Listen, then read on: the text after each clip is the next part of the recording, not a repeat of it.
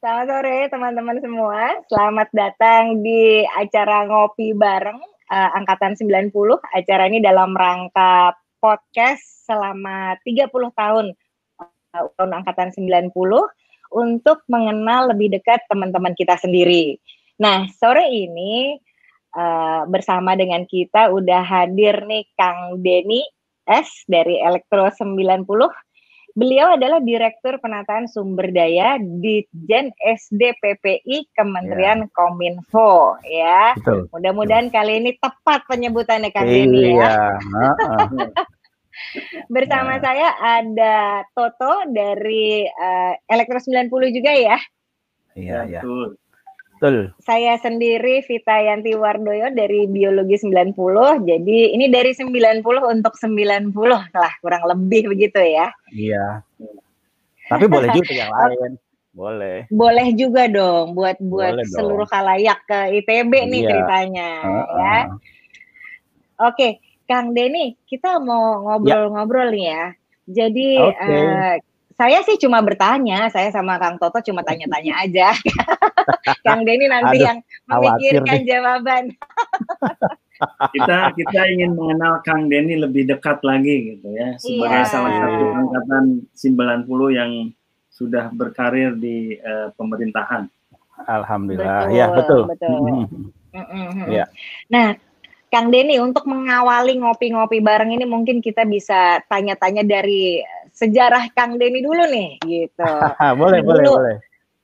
Dulu lahir di mana sih Kang? Masa ah. kecilnya gimana okay. pengalaman yang menarik gitu sewaktu masih ya. anak-anak? Iya. Ah, jadi saya lahirnya tuh di kampung di Ciamis, hmm. ya, tepatnya di Panjalu. Nah, Panjalu tuh di dekat pesantren Suralaya ya. Nah, hmm. jadi dulu eh, saya tuh lahirnya sebenarnya orang tua tuh di Bandung. Cuma karena saya anak pertama, nah ibu saya tuh eh, ingin supaya pas melahirkan gitu ya, itu berada di rumah orang tuanya. Jadi saya cuma numpang hmm. lahir sebenarnya. Nah, di Panjalu numpang lahir. Nah, itu pun di kampung gitu, di kampung gitu kan. Nah, karena hmm. kampungnya juga aduh nggak enak lah, udahlah. Akhirnya ngambil kecamatan ini. Panjalu itu kecamatan nih. Sekarang masih ada lah ada hmm. ada kecamatan itu. Jadi Nah udah itu satu berapa minggu kemudian langsung ke Bandung lagi gitu. Jadi saya cuma numpang oh. lahir. Oke oke. Dulu nggak pakai nggak pakai suster, nggak pakai dokter, pakai dulu apa ya? Pakai paraji apa ya Bidan. ya kalau orang Oh paraji. Ya paraji. Bukan paraji kalau apa? Di kampung apa ya namanya? Paraji. Saya orang kampung. Saya yeah. orang kampung. itu sih menarik banget sih. Jadi yeah. Iya. uh, ngungsi sebentar tapi lalu langsung jadi warga Bandung gitu ya Kang ya? Betul, betul. Uh -uh. Okay. Jadi kalau okay. masa kecil saya orang tua saya bukan pegawai negeri, orang tua saya dari wira swasta gitu. Oh. Ya kalau hmm, kalau orang Panjalu tuh terkenalnya itu tukang besinya di Jawa Barat gitu, tukang besi bekas. Oh gitu ya. wow. Nah kayak yeah, Madura yeah, lah yeah. gitu kan. Nah jadi uh, nah, ya, jadi memang dari kecil pengen pengen masuk ITB. Tahu nggak singkatannya ITB kalau di itu? Kan kita uh, uh, kalau orang Panjul itu terkenal di daerah Cikaso, kemudian kalau dibantu di Jatayu ya gitu yang yang hmm, yang hmm. barang-barang bekas. Nah, jadi kita udah pengen masuk ITB anak orang orang tua saya kan nggak bukan lulusan uh, lulusan perguruan tinggi ya. Nah, kemudian uh, kenapa ITB? Karena ITB singkatan Institut Tukang Besi gitu. Waduh. Waduh. Aduh. Gitu. Makanya ya, mungkin itu sebabnya jadi pengen banget masuk ITB oh, beneran iya. gitu kali Kang ya. Betul, betul, betul, betul. Ken jadi kenapa saya, sih harus ITB Kang? Ah, jadi saya tuh dididik apa ya, cukup keras ya. Eh, hmm. apa anak pertama dari tiga bersaudara, kemudian orang tua saya struggling gitu ya dari uh, apa namanya uh, katakanlah dari wira swasta hmm. kemudian sempat jatuh bangun. Kemudian akhirnya uh, alhamdulillah ya uh, dapat rezeki jadi wira swasta jadi kontraktor segala macam. Nah uh, apa namanya nah saya dididik tuh harus apa ya uh, harus jadi yang terbaik. Jadi saya masuk SD pun saat itu ya kalau di Bandung yang bagus tuh SD SD Katolik waktu itu Saya Muslim ya, tapi hmm. karena yeah. yang bagus saat itu SD Katolik, jadi dibantu ada SD Santo Agustinus ya. Jadi saya masuk di hmm. SD Agustinus. Nah, jadi saya waktu kecil tuh apal tuh atas nama bapak dan purta saya hafal tapi udah tuh saya sorenya langsung ngaji Jadi oh iya iya iya iya tapi di situ saya aku udah belajar pancasila di awal gitu teman-temanku mm-hmm. yang nggak masalah dari berbagai itu nah kemudian uh, kemudian apa alhamdulillah uh, ranking gitu jadi dulu saya tuh kacamata tebel kita oh tebel saya oh. tebel bocil gitu ya nah kacamata saya tebel saya nerd lah gitu ya nerd jadi uh, apa namanya dulu juga Uh, kalau jalan tuh saya cuek aja orang saya nggak kelihatan matanya lempeng. Kok sekarang nggak pakai Kang Denny? Saya sama Toto pakai. Ya nanti saya cerita uh, apa uh, kenapa saya sekarang nggak pakai kacamata. Nanti saya cerita. Ini lucu okay, lah ceritanya. Okay. Nah terus uh, apa? Uh, saya masuk SMP Negeri 5, nah, Bandung ya itu terkenal lah. Hmm. SMP 5, SMA ya, betul. Lempeng ya. lah iya. gitu ya. Nah, ya, dan saya ya. tuh itu di SMP 5 SMA 3 tuh saya ya bukan orang main gitu ya. Jadi belajar, hmm. belajar kutu buku nerd lah gitu ya. Karena saya dulu bukan orang yang apa namanya tukang main cuma belajar kalau istirahat tuh baca baca itu pokoknya tidak Aduh. tidak apa tidak ada ya, uh, ceritanya tuh ya kalau saya malah sekarang cari-cari foto foto saya waktu waktu masih muda pada hilang semua nggak ada semua nah gitu. Jadi, nah itu. Kemudian tapi sempat foto-foto enggak kan itu? Ya sempat lah. Nah, tapi dan lucu, dari lucu ya dari kecil tuh saya senang ini, senang senang nyolder gitu. Senang nyolder. Oh. Walaupun saya sebenarnya tidak tidak tercekatan gitu ya. Tapi waktu itu senang waktu zaman dulu ya. Ada namanya tulus kit ke itu ya.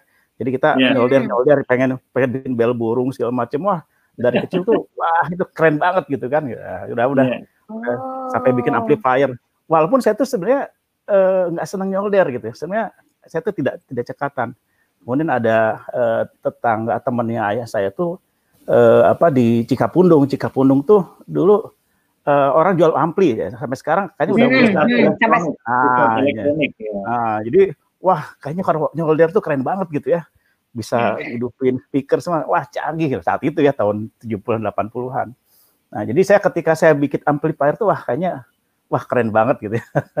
Oh, achievement nah, gitu ya, Kang. Achievement gitu. Jadi saya uh, itu masa muda saya tuh lempeng-lempeng aja gitu ya. Terus ya juara kelas segala macam. Nerd lah gitu ya. Nah, jadi ya alhamdulillah uh, masuk SMA 3 terus ketemu elektro kan salah satu yang paling susah ya Kang ya. Iya, betul. Favorit. Favorit ya. Tujuan jadi paling uh, dan saat itu sebenarnya ini yang menarik saya waktu dipanggil apa Staid ya, apa namanya BPPT juga yeah. kan, Staid BPPT. Yeah. Nah, cuma waktu itu saya polos gitu. Kalau teman-teman kan tahu gitu triknya.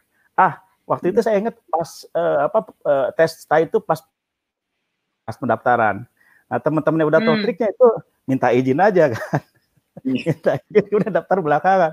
Nah, saya lempeng jadi ah udah saya bilang saya saya harus mesti milih saya TB aja saya ikutan style. Nah, gitu. Jadi hmm. ya, ya akhirnya udah alhamdulillah saya itu pun ya walaupun saat itu kan kalau orang wah kalau keluar negeri kan keren banget gitu ya. Tapi eh, itu alhamdulillah saya masuk di elektro dan eh, nah mulai di masuk di TB itu saya mulai ini ya mulai ya uh, mulai agak main dikit lah gitu. Uh, dan apa uh, ikut organisasi pernah jatuh cinta pernah Waduh. gagal putus ya udah tahu lah. Vital tapi gak usah diceritain ya Nah, gitu. Nggak di sini Kang, nggak di sini. Nggak di sini, nggak di sini. nah, jadi gitulah apa saya ikut aktif. Uh, terus yang menarik saat itu kan saya tuh paling khawatir ospek tuh, ya. Hmm. Kan kalau dengar cerita ospek ITB elektro tuh ngeri banget dan memang terjadi uh, seru ya, kakak nggak kebagian. Ya, ospek elektro itu angkatan kami, angkatan yang paling berantakan gitu. Karena ospeknya hmm. tiga bulan, tiga kali apa ya, tiga kali berboikot ya dan akhirnya batal. oh akhirnya batal ya? Aku udah lupa lah. ya walaupun ada beberapa yang sempalan termasuk saya gitu ya karena saat itu saya uh, apa namanya ada angkatan kakak angkatan yang kasihan sama saya gitu. jadi saat itu saya stres bener gitu nah waduh uh, apa namanya uh, selama ini lempeng-lempeng aja lurus gitu kan tahu-tahu kan di ospek itu kan di pressure psikologi segala macam hmm. nah itu kan tapi ya alhamdulillah walaupun struggling juga ya saat itu sampai saya sempat itu konsultasi ke psikolog gitu waduh ini apa namanya aku eh, takut gitu ya masa depanku ngadapin kakak kelas senior. Nah, tapi ya alhamdulillah bisa bisa struggle ya. Uh, seru lah ceritanya ya dan itu mem, hmm. uh, akhirnya yang kita asalnya lurus lempeng gitu ya. Nah, jadi saya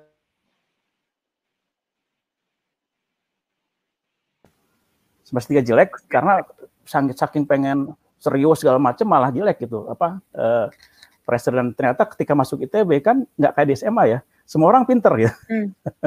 semua orang pinter. Yeah, betul. kemudian kemudian wah gua uh, apa IPS waktu itu banyak C jarang yang B yang A. Dan dosen-dosen elektro kira-kira juga atau yang nggak kayak di Jerman pun enak kayak gitu.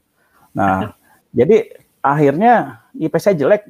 Walaupun saya ngajarin teman-teman saya ngajarin teman-teman tapi tetap aja jelek gitu nah kemudian uh, saya akhirnya semester 4 mulai berubah ah udah deh aku ikut organisasi jadi lebih hmm. nyantai nah, saya waktu itu uh, nggak ikut uh, himpunan elektro ya karena waktu itu aku teman-teman saya tuh non himpunan semua ya, saya masuk ke lingkungan di Sunda gitu. nah kenapa karena hmm. di elektro kering 140 yeah. laki-laki cuma tiga wanita jadi kita butuh uh. butuh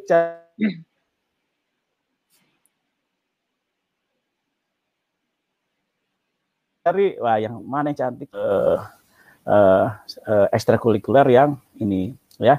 Nah di situ saya mulai itu organisasi, di situ saya mulai kenal orang segala macam. Ya lucu-lucu lah cerita di kampus tuh. Uh, waktu hmm. itu uh, kan teman saya tuh ada teman saya saya Kang Anang ya, nah, itu sohib saya. Nah, dia kan pakai PW kuning ya, PW PW kodok kuning gitu ya. Terus hmm, hmm. Uh, teman saya itu kan ini ya ya apa cowok idola lah dia pernah masuk, masuk sampul cover segala macam nah terus uh, wah saya bilang nih saya harus kayak dia gitu nah terus apa ya saya beli mobil mobil PW kodok gitu ya sama bapak saya pak beliin PW kodok gitu. PW kodok waktu yang biru saya dia kuning saya biru wah saya PW kodok nah waktu itu saya uh, waktu di Indonesia Sunda saya pengalaman saya waktu itu jemput artis wah tapi artisnya oh. masih artisnya masih ini ya uh, dulu aku apa ya uh, apa setengah lagu Sunda gitu ya. Nah kita jemput artis di ini di Asti, Asti apa seni, uh, seni tari ya di seni di daerah Bupatu. Nah, jadi kita jemput pakai PW, PW saya karena saya nggak nggak ahli gitu ya, nggak nggak sering nggak nggak sering ngoprek. Pas tengah jalan mogok tuh mobil. Waduh. Itu artisnya ngedorong. Aduh, nah, tak terlupakan itu pasti sama si ah, artis ah, seru kan. gitu. Ah, yeah. Tapi seru lah di lukis itu. Seru ya. Seru. Jadi uh, saya yang asalnya kalau orang semua kulen ya apa uh, nggak pede segala macam. Terus saya kepaksa gitu karena kepaksa saya uh, jadi saya nggak bisa nari, nggak bisa nggak bisa ngedegung. Saya bisanya cuma ini, cuma jadi tukang tukang apa? Megang payung. Nah kalau di Sunda kan suka tiap minggu suka ada ini ya Nah, jadi saya tukang tukang payung. Nah, itu aja gerakannya gampang gitu ya. Nah, satu, kedua apalagi waktu itu ada kita main calung kurang orang. Wah, aku kan pokoknya gimana cerita uh, gerakannya? Karena ini cuma tak-tak doang, cuma bawa ini. Ya udah gampang lah. Taunya dia bawa, tahu nggak dibawa ke mana? Kita ini uh, apa namanya? Uh, pertunjukan. show-nya, pertunjukannya di mana? Ke Asrama Putri coba. Nah, tahu kan Asrama Putri? saya baru tahu saya baru beras putih di situ. dengan dengan PD-nya dan PD-nya malu gitu. ya itu ya seru lah. Jadi dan yang lucu gitu ya, ketika saya itu malah nilai saya jadi bagus. Hmm. Jadi nilai saya back to normal ya, kemudian karena nggak ada beban terus FPB ketawa-tawa gitu, ya, jadi nilai saya bagus Nah, cuma karena saya waktu semester 3 tuh memang stres gitu ya. Wah, apa namanya? Dulu yang lucu tuh sempat uh, apa ke ini Kang ke uh, kita kan di elektro sempat ini ya sempat uh, praktikum mesin ya. Nah saya ingat hmm. banget tuh. Jadi waktu itu kita suruh bikin dongkrak. Nah suruh bikin dongkrak. Kemudian saya tuh itu kan harus ada pakai air ya. Nah airnya sebenarnya ada di situ gitu. Airnya ada di dekat mesin uh, mesin apa ya mesin mesin buat cutting cutting itu ngelas tuh apa gitu. Saya lupa bikin dongkrak gitu ya. Uh, saya saking gugupnya, saya ambil ke WC gitu. itu, itu nggak usah. Itu, ada mesin pendinginnya dekat itu. Gitu. Wah seru lah. Nah, terus kita waktu Jadi, itu praktikum. Hmm. Praktikum. Tugas pendahuluan ya, tugas pendahuluan ya. Hmm, iya, nah, iya itu besok kan malam-malam gitu kan. Nah, kita dulu ada teman yang pinter banget. Namanya Kadar tuh ya. Kadar tuh sekarang di kata di mana di Arab tuh di Kuwait gitu. Nah, hmm. dulu kita manggil dia Casio. Kenapa? Karena IP dia 4.0. Wow. ya, itu paling pinter ya si Elektro ya. Nah, jadi dia ya. jadi referen, referensi contekan kita. kalau tugas kalau tugas pendahuluan, nah kita tunggu dia kan gitu kan. Nah, Kemudian kalau dia dapat, kalau malam dia, dia kos di mana, dia kos di daerah Adago gitu. Wah kita kumpulin, saya ngumpulnya kita markas besarnya di rumahnya Anang di Bagus Rangin. Tuh kumpul di situ. Nah karena kita harus kumpulin pagi-pagi, hmm. sementara dapatnya malam-malam, kita akhirnya ngetik ya. Nget, kan dulu belum ada belum ada komputer, masih mesin ketik. Ingat nggak? Nah waktu itu kakak PMI bilang nggak boleh pakai karbon. Hmm. Ya kan? Nah akhirnya gimana cara supaya ini? Udah tiap orang gitu ya dia mengetik pada halaman yang sama. Hmm. Kan ada ketik kan? Nah, jadi cepat gitu ya. Nah, kemudian nah, apa namanya? Tiap orang sudah diganti judul ya. Jadi tiap orang tuh tiap halaman beda-beda. Ininya mesin ketiknya. Dia kasih tumpuk beda-beda ya. Nah, ketika dikumpulin si kakaknya ngelihat, loh, kok ini titik komanya sama, mesin tiknya pun beda-bedanya sama juga. Ketawa. Ketawa disuruh ngulang lagi. Aduh. Yeah. Tapi seru ya berarti ya Kang ya. Wah seru lah. Jadi uh, saya asalnya nerd, kemudian hmm. masuk ke kampus ITB. Ya, ya mungkin saya agak telat ya kalau orang bilang telat beger gitu ya. Uh, tapi eh baru mau ngomong lo udah ngomong sendiri Kang. Iya. Jadi ya, ya alhamdulillah. Jadi apa kita ya lah ini gitu. cerita menarik dari Kang Denny ya. Ada satu aspek mungkin yang bisa uh, dipelajari anak muda sekarang ya. Jadi Kang Denny yang tadinya nerd itu ya melakukan lompatan sehingga dia uh, berkembang menjadi lebih lebih baik gitu. Nah itu mungkin Vita bisa ngasih uh, ngasih komen ya. Apa yang terjadi sebenarnya? Enggak sih mungkin ternyata waktu kalau ini correct nih if I'm wrong tapi Kang ya kayaknya karena yeah. waktu di ITB untuk bisa bertahan nggak mungkin hanya dengan becoming nerd gitu kali ya iya nggak bisa perlu aspek lain untuk bisa bertahan kan sehingga betul. akhirnya keluar dari comfort zone-nya tuh gitu ya yeah. mungkin betul maka kayak kayaknya itu berlaku juga untuk untuk kehidupan uh, teman-teman yang zaman sekarang juga gitu ya. Jadi kalau hanya mementingkan nilai juga sebetulnya uh, bukan itu semuanya yang dibutuhkan dalam hidup lah ya. Iya, benar. Benar. Dan hmm. itu uh, jadi pelajaran saya pas pas di kerjaan gitu ya. Hmm, uh, hmm, hmm. apa jadi di rumah empat gitu yang hmm. karena kener kenerdan saya tuh pas kerja juga masih ke bawah gitu. Nggak nggak langsung hmm. gara-gara saya terus di kampus ikut itu uh, apa sifat dasar yang saya asal introvert segala macam juga masih ke bawah di dunia kerja gitu. Gitu. Hmm, oke oke oke. Jadi pengalaman-pengalaman. Ya, ya. Kang Denny sebelum uh, melanjutkan ke pengalaman dalam pekerjaan ya dan cerita selanjutnya Kang Denny mungkin uh, selama sekolah dari SD SMP SMA sebelum uh, masuk ke ITB mungkin ada uh, apa uh, ada idola gitu kenapa Kang Denny misalnya uh, harus seperti apa seperti apa nantinya ada orang yang didolakan atau ada orang yang ya standar lah saat itu ya kalau yeah. idola kita kan Pak Habibie kan nah ya kan Iya, ya, kan iya, kenapa iya. masuk ITB karena pengen jadi Habibie kan yang saat itu kan.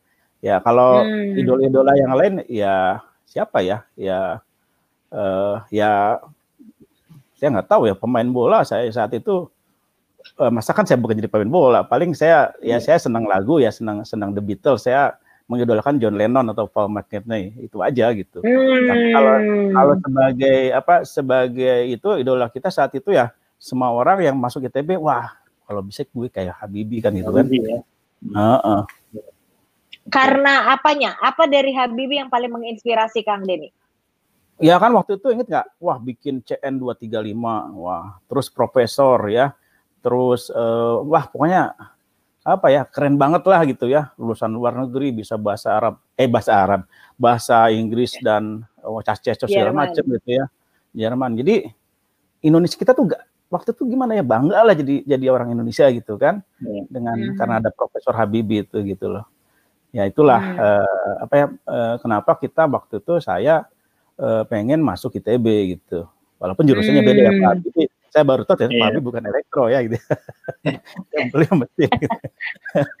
nah ini Kang apakah karena idolanya Kang Denny itu Pak Habibie ini juga yang menginspirasi untuk memutuskan berkarir di pemerintahan atau apa nih? Nah, enggak. Jadi ceritanya gini, saya waktu itu tahun 93 94 ya, eh, saya ngebantuin eh, apa dosen teknik industri malah.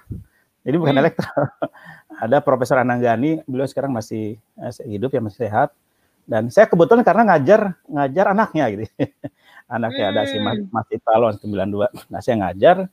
Kemudian beliau dosen teknik industri yang di daerah Dago ya, eh, paling akan yakan itu. Nah, kemudian apa namanya uh, saya diajak waktu itu sama Gani karena beliau jadi konsultan saat itu ke Kementerian Pariwisata, Parpostel hmm. dulu.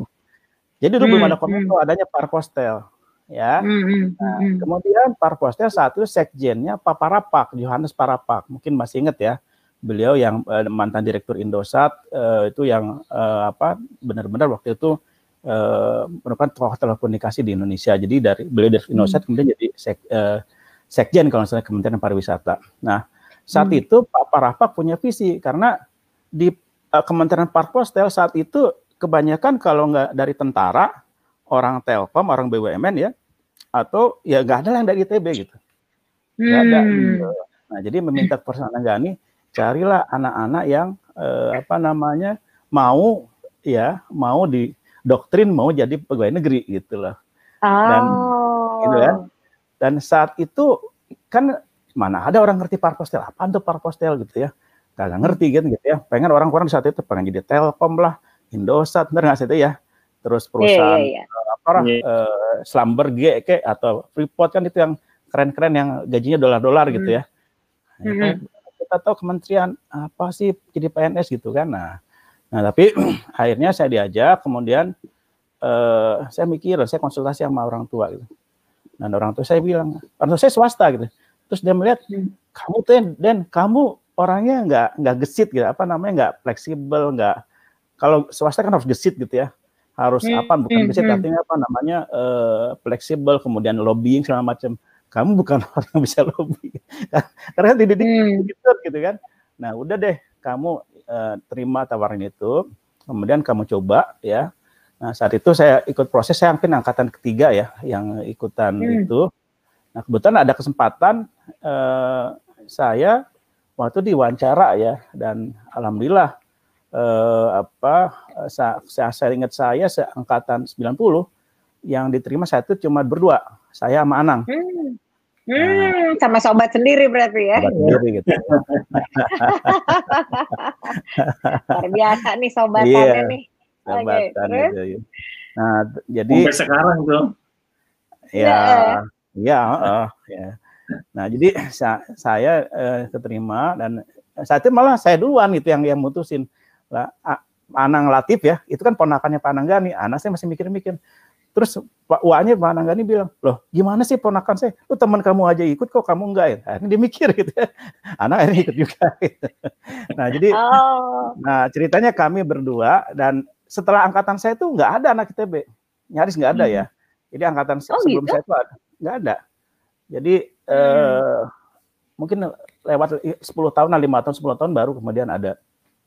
Jadi eh, apa kami mungkin generasi-generasi awal dan waktu itu kita di ditawarkan, kenapa tertarik, itu ada kesempatan eh, S2 ke luar negeri. Nah, oh. katanya gitu. Wah kan semangat ya, kan ya. orang ya, S1 ya, aku nggak nggak bisa nggak bisa kayak Toto kan pengen S2 gitu kan. Nah, tapi kan eh, nah, tapi kan ternyata prosesnya nggak segampang itu gitu ya setelah masuk nggak hmm, segampang hmm. itu. Nah, jadi itu ceritanya Vita. Jadi kenapa saya jadi pegawai hmm. negeri ya itu mungkin jalan jalan Tuhan gitu ya, udah ada takdirnya. Dan saat itu orang kalau sekarang ya pegawai negeri kan rebutan ya saya kayak UMPTN ya sampai di Senayan segala macam. Dulu mah enggak Betul. Ya, dan apa? Tapi uh, ya. waktu itu ada keraguan-raguan nggak kan? Soalnya kan ya tadi disampaikan iya. juga lulusan ITB kuliah elektro susah-susah gitu kan, pengennya kerja uh, di Freeport atau Telkom lah ya, yang waktu nah, itu iya. di depan di halaman gitu ya, tel Telkom kan iya. gedungnya di depan gitu ya, iya, gua. gitu ya. Dulu tuh depan gedung Telkom tempat pacaran kita kan main, main apa sambil minum apa makan sate segala macam. Wah, ini masa depan gitu kan. Cita-cita masuk ke situ gitu ya. Cita-cita ah, masuk ke situ gitu. Saat itu gitu kan. Nah, tapi saya saat itu saya saya lamar juga Indosat juga, Telkom juga saya lamar. Hmm. Cuma eh, saya keburu keterima di eh, Parpostel. Ya, kemudian ketika tawaran itu datang ya udah saya firm saya enggak eh, apa saya eh, berkarir di pegawai negeri itu. Hmm. Gitu. Jadi kayaknya Kang Dian ini kalau ya, hmm? ya. ya Vita silakan. Ya nggak tahu silakan. Mungkin karena ada karena ada dukungan dari orang tua juga ya yang hmm. uh, ya. dan memberikan ya. support gitu sehingga uh, Kang Denny mantap lah dalam melangkah untuk menjadi ya. uh, untuk kerja di pemerintah gitu. Betul. Ya saat itu ya kebetulan alhamdulillah uh, apa uh, uh, bisnis orang tua saya cukup berhasil. Jadi uh, saya nggak dituntut harus uh, apa namanya harus cepat uh, nyari uang gitu. Walaupun sebenarnya ya waktu saya ini saya cerita waktu saya mau sidang tugas tesis ya apa tugas air, saya bilang sama sama dosen saya waktu Dokter Suhartono, Pak Pak saya ini uh, saya pengen cepet dulu saya bilang saya kan terus cepat empat tahun. Alasannya kenapa? Saya kan anak pertama Pak. Dia baru ngaku loh bohong sekarang loh. Biar cepat dilulusin sama dosen ya. nah gitu. Ya, tapi memang waktu itu pengen ngejar supaya bisa pas diwawancara di uh, apa di uh, Parpostel saat itu uh, udah lulus gitu ya. Nah, jadi hmm. itu prosesnya dan uh, ya alhamdulillah uh, apa uh, uh, masuk shortlist kemudian wawancara. Kemudian ya kalau cerita awal gajinya ya ya seru lah karena saya nggak tahu ya dulu aku gaji berapa ya pokoknya tahun 96 ah, berapa ya pokoknya kalau sama dihitung sama kalau kos-kosan kemudian apa uh, per Jakarta Bandung udah tekor deh gitu kan. Tapi kan sekarang enggak dong ya. Uang pendidikan, ya. pendidikan. kenapa? Uang pendidikan. Uh, iya, jadi ya, pendidikan dan latihan ya. ya, jadi ya saya cerita ya awal-awal masuk tuh saya uh, ya alhamdulillah karena saya mungkin orang tua saya ini ya uh, uh, apa namanya waktu itu support bener ya. Jadi saya sampai waktu itu hmm. dibeliin rumah. Ya, hmm. dibeliin rumah di daerah Kelapa Gading. Nah, saya jadi jadi bapak kos. jadi bapak kita pernah waktu itu sekolah sama Anang, terus ada, ada Mufti, ada Medi ya. Mereka kerja di Astra waktu itu. Jadi supaya sharing udah deh berempat gitu. Nah, itu sempat hmm. kita kita, kita uh, dimodalin dulu gitu ya. Uh, kemudian uh, tapi sebelum itu saya uh, juga sempat nebeng ke proyek bapak saya. Jadi bapak saya punya proyek di Tangerang.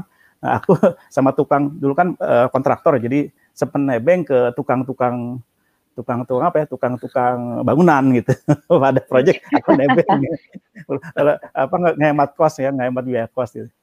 Nah itulah pengalaman di awal Nah, ini Kang Denny ini kalau dilihat dari masa kecilnya ya, jadi tadi cerita dari TK, SD, SMP, SMA, kuliah sampai kerja nih kayaknya tipenya tuh yang emang yang lempeng gitu ya, uh, dedicated. Oh.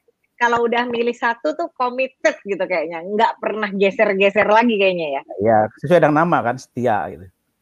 Oh iya bener juga itu doa orang tua itu kan. nah, iya, iya. cuma kalau kalau sejauh pendidikan kan di ITB juga pas empat tahun tuh, berarti segala tantangan ya. berhasil diatasi gitu ya. Kalau di ya. Kominfo ya. tuh kan ini rentang waktunya cukup panjang nih Kang ya. ya tantangan-tantangan ya. apa tuh yang yang Wah. yang paling diingat gitu. Iya, ya. Nah, ini saya cerita ya. Jadi uh, awal-awal masuk, kemudian uh, kita ya biasalah kita ngejar uh, supaya bisa S2 ya. Nah, saat hmm. itu ya teman saya, saya sayang sama teman saya Anang kan. Kalau secara IP saya lebih bagus dari Anang gitu. Nah, cuma ini hate, ini love hate relationship ya sama Kak iya. Anang ini. kita kompetitif, ya. kompetitif gitu. Salam untuk Kang Anang ya. Iya, sekarang dia buat saya, sekarang dia buat saya. Gitu. Oke. Okay. Nah, nah, jadi uh, waktu itu uh, apa butuh dua besar, kita waktu itu ada tawaran ke UK ya, apa uh, uh, si, yang satu tahun tuh saya lupa namanya ya. Uh, aduh lupa. Master. Saya uh, uh, master S2 ya nah, satu mm -hmm. tahun. Kemudian waktu itu tuh tinggal wawancara gitu, ya. Hmm. Nah, yang nah uh, saya waktu itu Anang ditanya, dia bilang, "Kamu apa cita-cita dalam bahasa Inggris ya?" Nah, hmm. bedanya Anang sama saya, dia dengan pedenya dia bilang, "Saya pengen jadi menteri." Gitu. Hmm. Nah, sementara saya saat waktu ditanya, waktu itu saya tuh ragu-ragu. Kayak orang Indonesia, orang Sunda ya gitu ya uh, I would like to become the director general if possible gitu. Nah, oh. ini bilang ini anak ini nggak pede gitu. Akhirnya walaupun IP Anang kurang dari saya, dia yang menang. Hmm. Gitu. Jadi teman saya tuh mas apa S2 ke Inggris. Nah, saya kan di situ wah sialan nih teman gua kan gitu. gitu kan. Nah, saya waktu itu wah aku berusaha cari Australia gitu ya, cari New Zealand, cari UI ITB gitu ya. Nah, akhirnya uh, New Zealand nggak bisa karena eh, Australia itu nggak bisa karena Australia itu prefer uh, perempuan dan Indonesia Timur ya saat itu kan. Hmm. Nah, kemudian New Zealand itu masih uh, apa namanya nunda gitu masih uh, belum itu. Akhirnya saya ada put, uh, putusan UI sama ITB ya. Hmm. Nah saat itu, nah saya lucu ceritanya lucu nih. Nah, saatnya saya ada sama calon istri saya saat itu ya. Terus saya bilang gini, wah ini aku mau ke New Zealand nih, nah, gitu kan. Nah ini kan aku mau keluar negeri nih, nah, gitu kan. Nah, ya aku mau lamar kamu gitu. Ntar ditinggal jauh saya bilang kan. Nah, dia kan he, he, can she couldn't say no kan gitu kan. Nah, sama ke calon mertua akhirnya diokein gitu ya. Nah, padahal itu belum aku belum keterima di waktu itu saya uh, apa uh, uh, prefer New Zealand saat itu ya, New Zealand. Hmm. Nah, tapi waktu itu saya karena wah apa namanya wah gua ini teman saya Kang Anang udah di ini saya pengen cepet nih jadi uh, saya keterima ITB, saya keterima UI. Ah, ITB bosen ah, saya bilang, udah UI aja gitu ya. Nah, aku keterima UI, terus ya di jadi anak Depok karena Salemba lah gitu ya. Hmm. Nah kemudian saya nikah waktu Agustus, saya nikah September. Nah pengumumannya nggak nggak keluar keluar pengumuman New Zealand tuh, pengumumannya pas bulan akhir Oktober. Nah saya baru nikah coba biar baru nikah terus saya tanya ke ke embassy-nya. Cuma saya dikasih satu hari. Ini gimana nih? Uh, pakai bahasa Inggris ya aku gimana? Eh, eh bahasa Indonesia sorry waktu itu di orang Indonesia. Uh, uh, saya dapat ini nggak dapat uh, scholarship untuk uh, sama bahwa saya bisa bawa istri saya gitu kan? Nah, dia bilang hmm. tahun pertama nggak bisa, kamu harus biaya sendiri. Gitu. Nah, saya kan baru kawin, bayangin kan? satu bulan gitu. Terus aku nanya sama bosku gitu, di di apa di Parpostel. Nah, karena dia butuh saya, dia bilang ah, sama aja deh dalam negeri luar negeri kan gitu. Nah, udah mikir-mikir, mikir-mikir, ya udah. Akhirnya saya waktu itu memutuskan tetap di dalam negeri. Hmm. Gitu. Saya saya nggak tahu Jadi, apakah itu keputusan yang salah atau enggak, tapi waktu saya uh, ini dan saya juga uh, apa nggak mau ninggalin istri saya, jadi saya uh, memutuskan saya S2-nya di UI.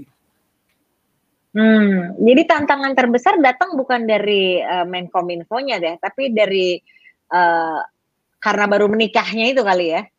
Iya. ya. Umumnya tidak sesuai dengan jadwal pernikahan ya. Padahal Ini saya nikah sih tuh ya. Padahal saya nikah tuh pengen cepet karena saya alasannya ke luar negeri gitu. Udah keterima aku gak mau.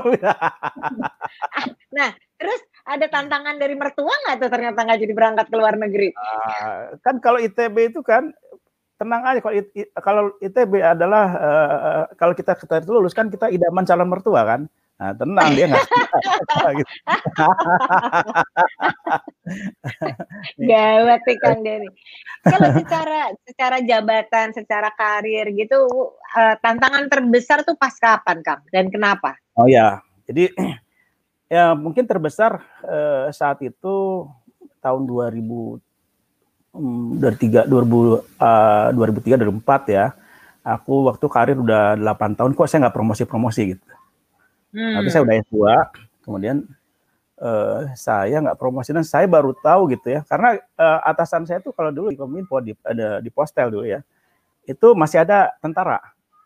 Hmm. Jenderal itu. Karena karena frekuensi milik tentara dulu ya kayaknya ya. Ya, harus ah. ada Nah, jadi saya waktu okay. sempat, sempat debat dengan salah satu pimpinan direktur jenderal itu. Nah, karena saya merasa hmm. itu ya biasa debat dia. Rupanya saya baru tahu gitu kalau di PNS aku nggak bisa ngedebat itu di floor. gitulah. Oh, nah, okay. jadi saya baru tahu bahwa selama beliau menjabat saya nggak naik gitu. Hmm. hmm. Jadi saya promosi setelah beliau beliau katakan nggak di uh, pensiun atau apa saya waktu itu dan pimpinan kita uh, pimpinan kami waktu itu uh, jadi sipil jadi ada dosen UI waktu itu baru saya promosi.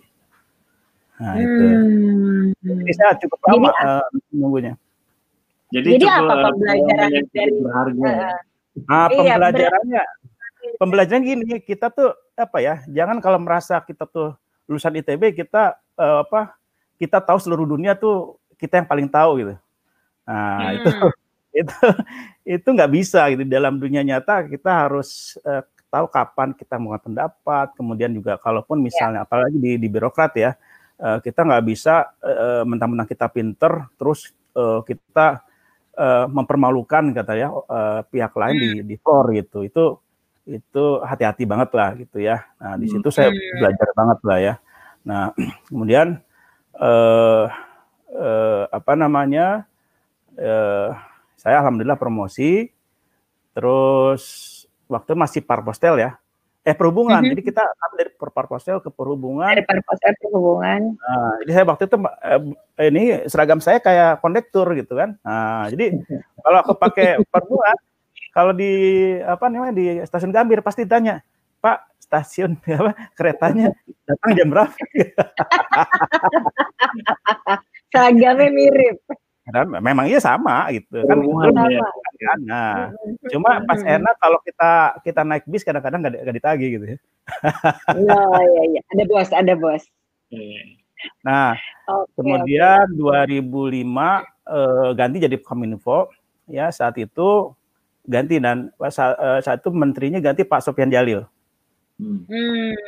Nah, di Pak Sofian Jalil waktu itu, nah ini saya cerita tantangan terberat saya uh, mm-hmm.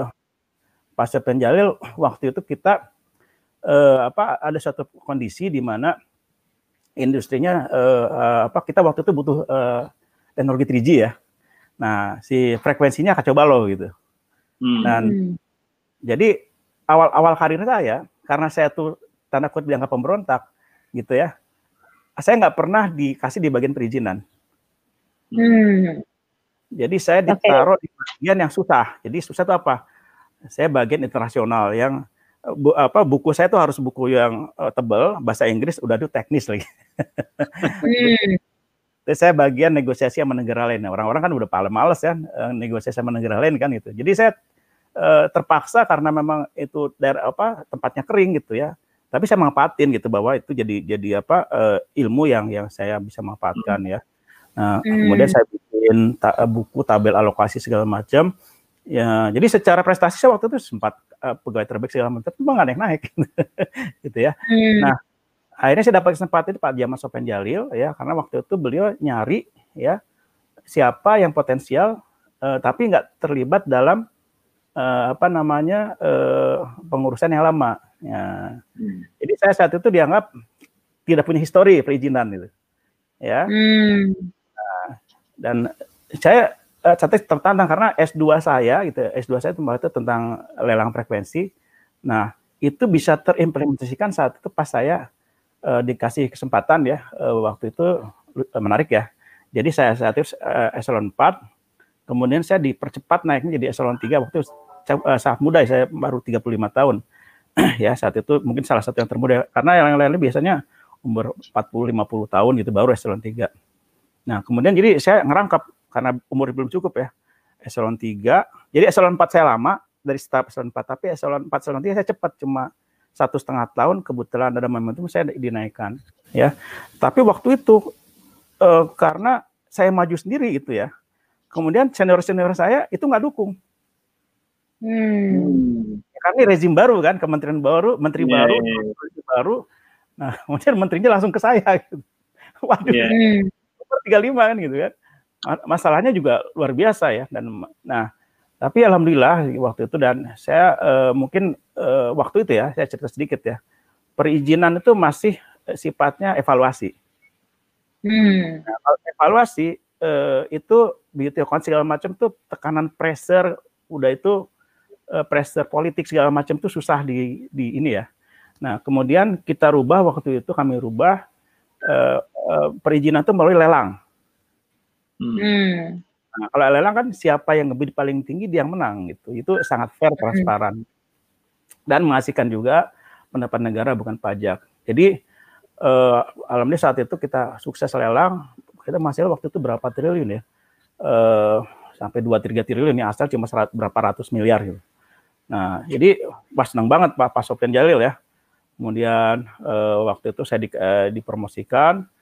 Nah, tapi masih belum dapat dukungan gitu. Sehingga saat-saat itu saya harus menghadapi uh, permasalahan yang kompleks ya dan uh, hmm. apa namanya saat itu uh, ya uh, mental breakdown juga ya saat itu ya. Dan di situ saya ditolong sahabat lama saya Anang gitu. saya ulang lagi ya. Jadi saat yeah. itu uh, karena gak ada yang nolong ya akhirnya pimpinan saya uh, berusaha uh, ngerekrut teman-teman dan yang yang termasuk teman saya Anang ya. Anang saat itu uh, belum terilik lah sama atasan saya gitu ya. Nah kemudian saya minta tolong gitu sama Anang. Nah, Anang terus dia ya sambil ini ya kayak canda dia lucu aja gitu. Oh, jadi kalau kita lagi pusing-pusing, kemudian dia bawa foto aneh-aneh gitu. lagi pusing ngajak supaya saya, saya fresh gitu ya. Nah, terus dia bilang, kamu jangan ini dong, ya, sebagai pimpinan kamu jangan ngerjain sendirian. Oke, kalau itu. Kalau itu tugas pertama saya, saya nyuruh kamu nang. Kesimpulannya apa? Ada teamwork kita. Teamwork. Iya. Kita nggak bisa sendirian. Hmm. Kemudian termasuk nggak sabar gitu ya bahwa uh, karena saya sempat dulu bikin bikin dekat sama menteri, kemudian saya bikin aturan sendiri gitu ya. Uh, kemudian uh, yang lain tuh bypass. Udah saya langsung konsep saya langsung ke menteri. Ada masalah, mereka bilang, lu ambil sendiri Den gitu. Nah, di situ saya ambil kesimpulan. Mendingan itu lebih lambat, tapi semua orang eh, apa nambahin gitu loh. Ya, ikut tanggung jawab. Karena kalau udah mas kita, aku pernah dipanggil baris krim, aku pernah dipanggil gurung bundar gitu kan uh, yang nggak enak-enak lah gitu ya. Itu seru lah ya. Kalau makan es krim sih nggak apa-apa ini kan seru gitu.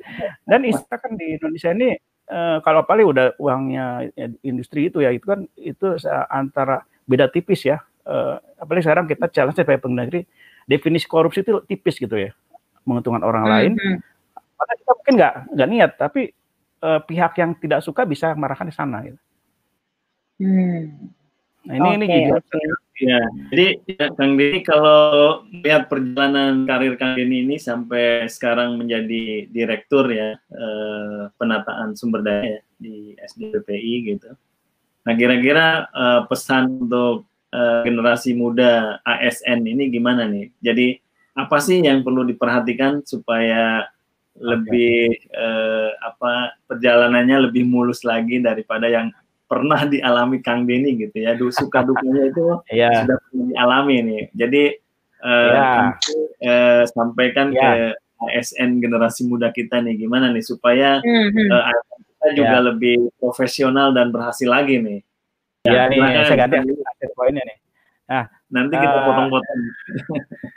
Iya. Jadi pelajarannya gitu ya. Satu kita uh, uh, hindarkan vested interest kan godaan ya hmm. godaan kita uh, uh, apa dekat sama industri. Boleh dekat tapi tidak boleh vested interest gitu. Jadi misalnya kita punya perusahaan punya saham segala macam jangan deh. Lebih baik independen gitu ya. Nah kedua sabar. Kunci sabar hmm. gitu. Dan kita hmm. uh, mesti uh, ketika kita punya usulan ketika kita eh, apa namanya usulkan kemudian tidak diterima pimpinan, iya harus sabar, harus sabar. Kita hmm. coba lagi cara yang lain gitu loh, ya kan? Nah itu jadi dan eh, bagi saya ketika itu belum berhasil, saya tulis gitu. Saya tulis, saya bikin paparan dan saya sempat bikin buku ya. Dan eh, apa eh, terakhir saya saya juga akan uh, apa namanya tahun 2013 saya lulus S3 di UI, saya ngajar. Saya ngajar di Mercubuana. Hmm. Ya. Uh, saya jadikan itu jadi bahan pelajaran gitu loh ke mahasiswa segala macam. Jadi kita lihat dari sisi akademisnya gitu. Oh kita belum berhasil deh gini gini gini gitu kan. Nah kalau jadi tesis kan nggak masalah gitu. Tapi ya. kalau jadi kebijakan hmm. publik kan uh, yakinlah bahwa pimpinan itu atau uh, pimpinan kita pasti punya helikopter uh, view yang lebih lebih luas daripada kita gitu. Yeah. Ya, hmm. kan? Nah, itu yang yang kadang-kadang uh, kalau lulusan ITB ya, nah itu kadang-kadang nggak sabar gitu. Ah ini pokoknya ini gimana sih pemerintah gini gini. Nah, itu kita harus lihat lihat itu ya. Nah, kemudian yang kedua dan saya alhamdulillah ya uh, saya bilang lulusan ITB itu setiap angkatan saya hilang gitu ya. Saya ngerekrut ya alhamdulillah uh, sejak tahun 2004 mulai ada. Jadi hampir 10 eh, tahun lebih baru ada generasi muda yang uh, yang lapis saya. Hmm. Tahu nggak gimana saya, saya rekrut? Ya, jadi saya ke kampus, saya ngajarin ah. kapitas lekta, uh -uh. ngajarin kapitas okay. lekta. Kemudian dari uh, sekelas itu ada satu yang uh, memang, memang pengen jadi pegawai negeri. Gitu. Iya. nah, alhamdulillah dia jadi sekarang umurnya masih 35 tahun, Nah, dan ini menarik. S1-nya elektro, S2-nya hukum hukum UI. Oh. Hmm. Karena jadi apa? Ya. Ya, jadi nah, apa aja tadi kan hindarkan konflik of interest, sabar, ya, sadari kalau atasan punya helikopter view gitu ya. Ya. Kemudian ya itu uh, kita jangan menyerah ya, jangan menyerah. Hmm. Kemudian kita perluas network, perluas hmm. network uh, dan satu hal yang mungkin membantu saya adalah Eh, bagaimana saya berpikir seakan-akan saya jadi yang diatur atau saya jadi pihak lain. Hmm. Pihak yang diatur. Jadi kalau saya ngatur uh, operator, ngatur industri, kalau pada ini coba dia jadi industri. Iya ya kan? Iya, nah, iya. Itu, kita, kita akan timbul empati gitu ya. Iya. Iya, iya. Sehingga bisa kedua, empati. Oke. Okay. Kedua juga kita harus itu. Ini ini udah keenam, Kang. Kang, ini udah keenam, Kang. Lupa sih ya. Pokoknya kedua sekian. Nah, semakin banyak pelajaran semakin ya, yang keenam deh. Nah, keenam yang yang penting ya ini ini ini karena sebagai ASN ini kan banyak jebakan Batman-nya ya. Nah, maksudnya hmm. gini, belum tentu niat baik itu kita punya niat baik kita mau nolong orang gitu. Belum tentu niat baik itu uh, bisa selamat gitu. Iya. Oh, oke, okay, oke. Okay. Nah, di Jadi harus hati-hati gitu maksudnya. Nah, kita harus banyak konsultasi hmm. sama stakeholder, misalnya uh, konsultasi sama uh, kejaksaan, sama apa namanya BPKP.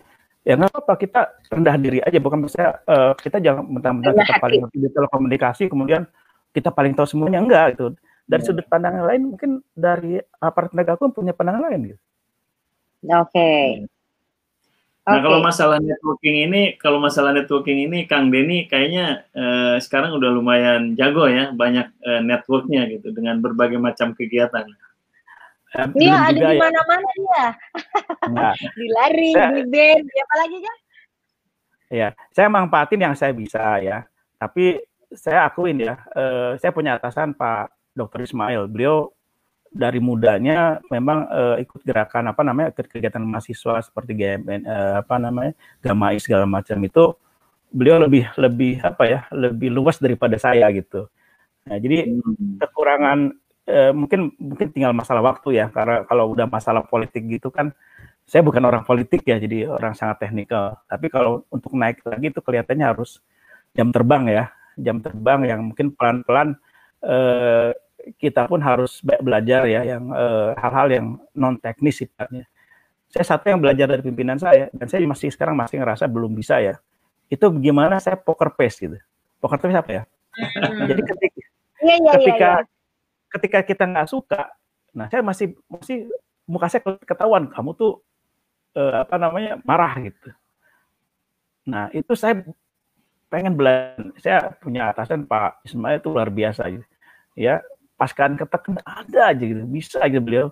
Uh, jadi orang pun ditolak tuh nggak tersinggung gitu. Hmm. Hmm. Itu ya. saya masih masih belajar gitu, masih belajar.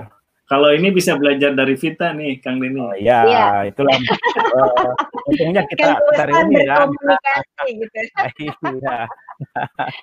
Kang Deni, ini pesan-pesannya banyak nih buat teman-teman ASN yang masih uh, muda nih. Jadi hindarkan konflik of interest, sabar, punya, uh, sadari atasan punya helikopter view, jangan menyerah, perluas network selalu memikirkan bahwa kita kalau kita pada pihak yang diatur jadi berempati gitu ya dan perbanyak konsultasi dengan stakeholders karena niat baik belum tentu hasilnya baik kalau nggak dikonsultasikan dengan banyak stakeholders gitu ya.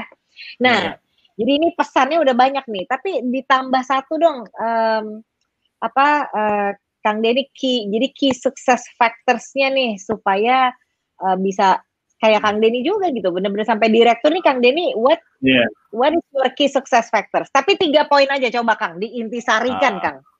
Waduh, jadi aku bisa kedua kedua mulu deh.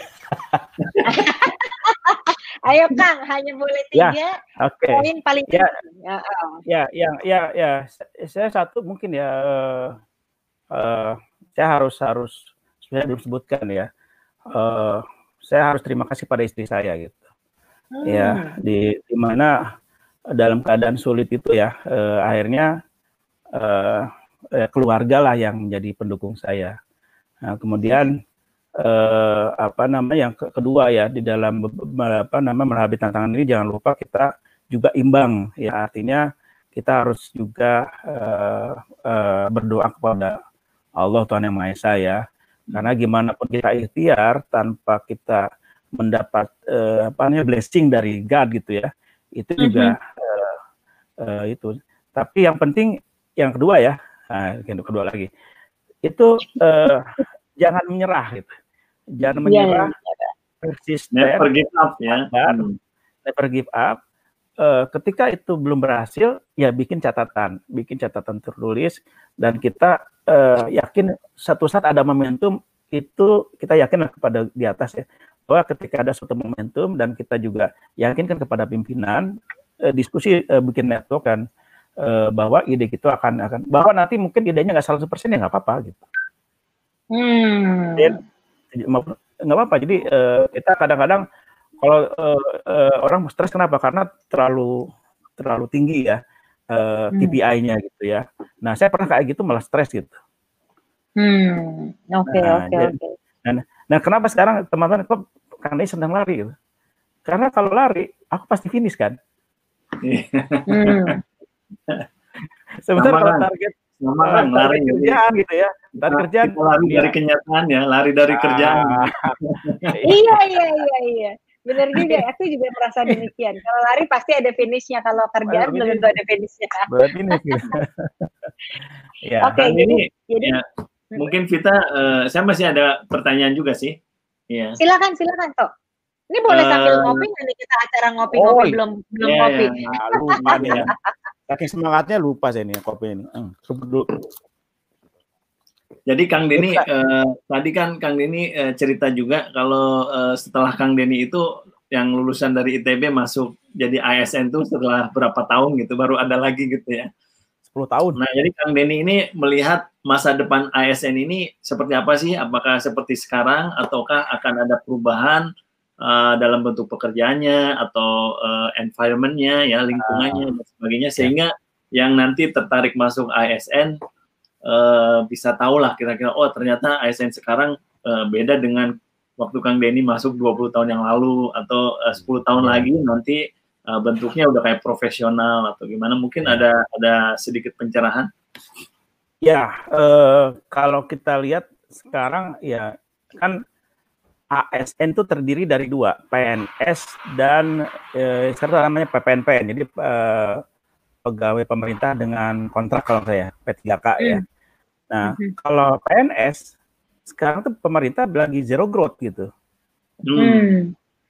Gitu kan. Nah, yang mungkin mungkin lewat kontrak dan ini pun masih terbatas ya. Nah ini kan masih banyak yang PNS-PNS yang mungkin harus di apa namanya perlu dioptimumkan ya. Nah hmm. eh, kita gimana ya sebagai PNS eh, atau ASN kita harus membuktikan ya bahwa kita tuh bisa membuat ya, sesuatu yang lebih baik gitu ya dan dengan dengan kalau Pak Menteri saya dulu Pak Rudiantara mungkin pas Pak Jogi mm -hmm. ya dengan modal pensil gitu dan modal pulpen gitu ya Eh, dia bisa memberikan sesuatu gitu ya dengan keputusan segala macam. Nah hmm. itu tanggung jawabnya besar gitu ya. Nah hmm. tapi eh, kita satu bagaimana kita juga jangan malas gitu ya. Kalau saya mungkin apalagi dengan dengan sekarang pandemi ini ya, bukan berarti kita eh, malas-malesan di rumah gitu ya. Kita banyak waktu untuk belajar, banyak waktu untuk webinar segala macam. Eh, kita harus perbanyak ilmu, perbanyak pengetahuan ya dan uh, harus cukup fleksibel ya karena suatu belum tentu ya uh, karir kita tuh di satu lokasi tempat terus. Kalau kalau kebetulan kalau saya karena memang nggak tahu ya karir saya hampir 30 tahun itu itu aja gitu. Kata teman saya kamu harusnya pindah ke tempat lain dan ya nggak tahu lah tergantung bos saya gitu. Nah kemudian uh, bagi teman-teman yang mungkin uh, udah jadi ASN ya, nah satu harus siap-siap ke Kalimantan gitu. Hmm. Nah, iya ya, udah pasti ya. Ya, ya, ya nggak tahu juga pasti karena mudah-mudahan sih pandeminya selesai, kemudian cukup uang lah kita untuk Kalimantan. Nah itu harus siap-siap, hmm. kemudian eh, apa? Kita juga harus harus siap eh, digital apa eh, melakukan transformasi digital di dalam kerjaan ya. Jadi kalau dulu orang wah poin negeri itu cuma baca koran segala macam. Sekarang enggak, sekarang ada KPI-nya harus dinilai Kemudian kalau misalnya nggak sesuai KPI-nya gajinya dikurangin gitu. Hmm. Nah, itu gitu kan. Jadi ada ada ada KPI-nya segala macam. Walaupun ya memang belum semuanya ya yang yang apa karena yang eh, yang yang apa kan kita nggak bisa transformasi digital sekaligus 5 juta ASN kan nggak bisa ya. Hmm. Tapi perlahan-perlahan kemudian kita berusaha mengoptimumkan mengoptimalisasi apa kira-kira bisnis proses atau layanan yang bisa cepat gitu ya. Kalau tempat hmm. kami sekarang udah bisa layanan satu hari gitu, layanan ya. Hmm. Itu uh, dengan uh, otomatisasi segala macam. Jadi ya mudah-mudahan ini bisa jadi inspirasi teman-teman dan saya yakin ASN-ASN di kementerian lain ada yang bikin aplikasi, ada yang bikin sebenarnya ini cuma nggak terekspos aja gitu. Dan setahu saya sekarang dari kementerian apa nih Pan RB ya, tiap tahun tuh ada ini ada perlombaan, ada perlombaan hmm. ASN Teladan. Ya, alhamdulillah hmm. saya uh, dua tahun terakhir saya masuk 10 besar ya. Saya oh. masuk yang pertama. Thank you. Alhamdulillah. Uh, kemudian di tahun sebelum tahun kemarin uh, tim saya malah yang masuk tiga besar. Ya, jadi hmm. uh, apa ya kita ya jadi dan dan kayaknya gitu ya karena apalagi di, di tempat saya yang harus berhadapan sama industri ya. Jadi hmm. kayaknya kita harus banyak belajar kita hmm. jangan sampai uh, kalah pengetahuan dari industri yang diatur. Iya. iya, betul, betul itu. Dan yeah. itu itu itu kuncinya ITB gitu. Harusnya yeah. bisa gitu. Nah, ngomong-ngomong ITB nih Kang Denny eh, apa kita sebagai angkatan 90 eh, mungkin harapan Kang Denny apa terhadap eh, angkatan kita oh. angkatan 90 ah. yang ya. sudah mulai memasuki umur-umur ya. gitu ya. Setengah abad. ya. The hard truth. Nah, jadi uh, teman-teman kita ini kan lagi puncak-puncak karirnya gitu ya, yang baik yang di swasta, di PNS, ya mungkin saya juga belum puncak banget ya, ada yang kalau puncak ada salon satu ya, tapi ada teman-teman udah salon satu kalau di pegawai negeri. Kemudian uh, juga uh, apa namanya yang sudah menanya karir, atau mungkin kalau teman-teman yang swasta uh, udah pasif income gitu ya, udah ini. Nah, saya sih ngelihat yang penting kita networkingnya ya, networkingnya hmm. dan apa yang kita bisa bantu ke teman-teman kita yang di sektor lain. Hmm. Ya, kayak saya senang kenapa uh, ada kegiatan ultramaraton segala macam. Saya ketemu, saya juga nggak tahu teman saya, saya, saya tahu itu ultramaraton. Ternyata kamu seangkatan ya, gitu. ya.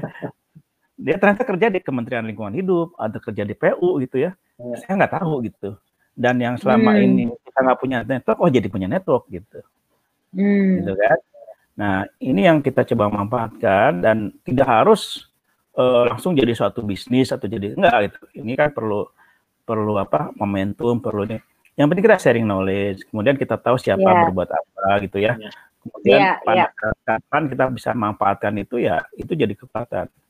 Kalau saya kunci saya sih kita, saya kunci sekarang senangnya apa? Saya saya senang bikin eh, apa namanya eh, masukin ke kontak address saya.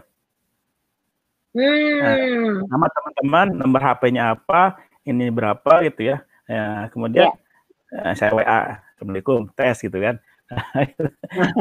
ya, ngobrol aja gitu kan. Gak usah yang harus yeah, yeah. Iya, iya. Okay. Jadi seru ya dengan dengan networking mungkin kita yeah. justru ke depannya bisa kolaborasi gitu ya Kang ya. Betul, Apa pun betul, itu gitu ya dan Apa pun semakin tidak, banyak tidak berbuat harus, kebaikan gitu. Tidak harus langsung jadi bisnis enggak juga gitu. Mm -hmm, mm -hmm, ya ngopi-ngopi kayak gini kan juga oke okay, gitu kan. Yeah. dan sudah yeah. tidak sudah nggak kerasa udah satu jam lebih kita ngobrol. Oh iya, saya nggak iya, kerasa. Betul. Iya, silakan Tok mau ditutup. Ya, uh, jadi uh, terima kasih banyak nih untuk Kang Denny ya yang telah meluangkan waktunya ya bercerita kisah dari kecil sampai uh, sukses menjadi ASN di uh, Kementerian Informasi dan uh, Komunikasi ya. Uh, saya kira ini banyak sekali uh, pelajaran yang bisa uh, kita ambil dan juga mungkin generasi muda ambil, apalagi yang uh, sudah menjadi ASN ya di lingkungan pemerintah gitu. Ternyata uh, banyak apanya tantangannya ya yang mana itu sudah dihadapi Kang Denny dan mungkin bisa menjadi pelajaran berharga bagi eh, generasi-generasi uh, muda ASN yang uh, masih akan terus berkarir di uh, bidangnya masing-masing. Dan untuk teman-teman angkatan 90 saya kira uh, kita semua uh, bisa bersinergi ya seperti Kang Denny sampaikan tadi uh, network untuk membuat sesuatu yang uh, membuat kebaikan ataupun yang berimpact. Ya. Saya lihat banyak sekali uh, klub-klub uh, 90 ini ya mulai dari mulai olahraga, seni dan sebagainya ya. Saya kira itu uh, sudah sangat bagus sekali. Ya, silakan kita kalau ada yang mau disampaikan. Ya ada, saya thank you banget waktunya Kang ya. Denny sama Toto ya, juga ya, gitu ya. ya. Mudah-mudahan ini bisa menjadi manfaat karena saya sendiri nyatet. Jadi mudah-mudahan ini juga dicatat sama yang mendengarkan gitu ya. Selalu ya. selalu gembira karena semua guru semua murid pada dasarnya. Ya, Even di usia ini kita ya. masih bisa selalu ya. belajar. Oke, terima ya. kasih teman-teman ya. semua. Mudah-mudahan menjadi manfaat. Sampai ketemu di ngopi bareng berikutnya ya. Ya, terima kasih. Terima kasih, Terima kasih kita. Ya, ya.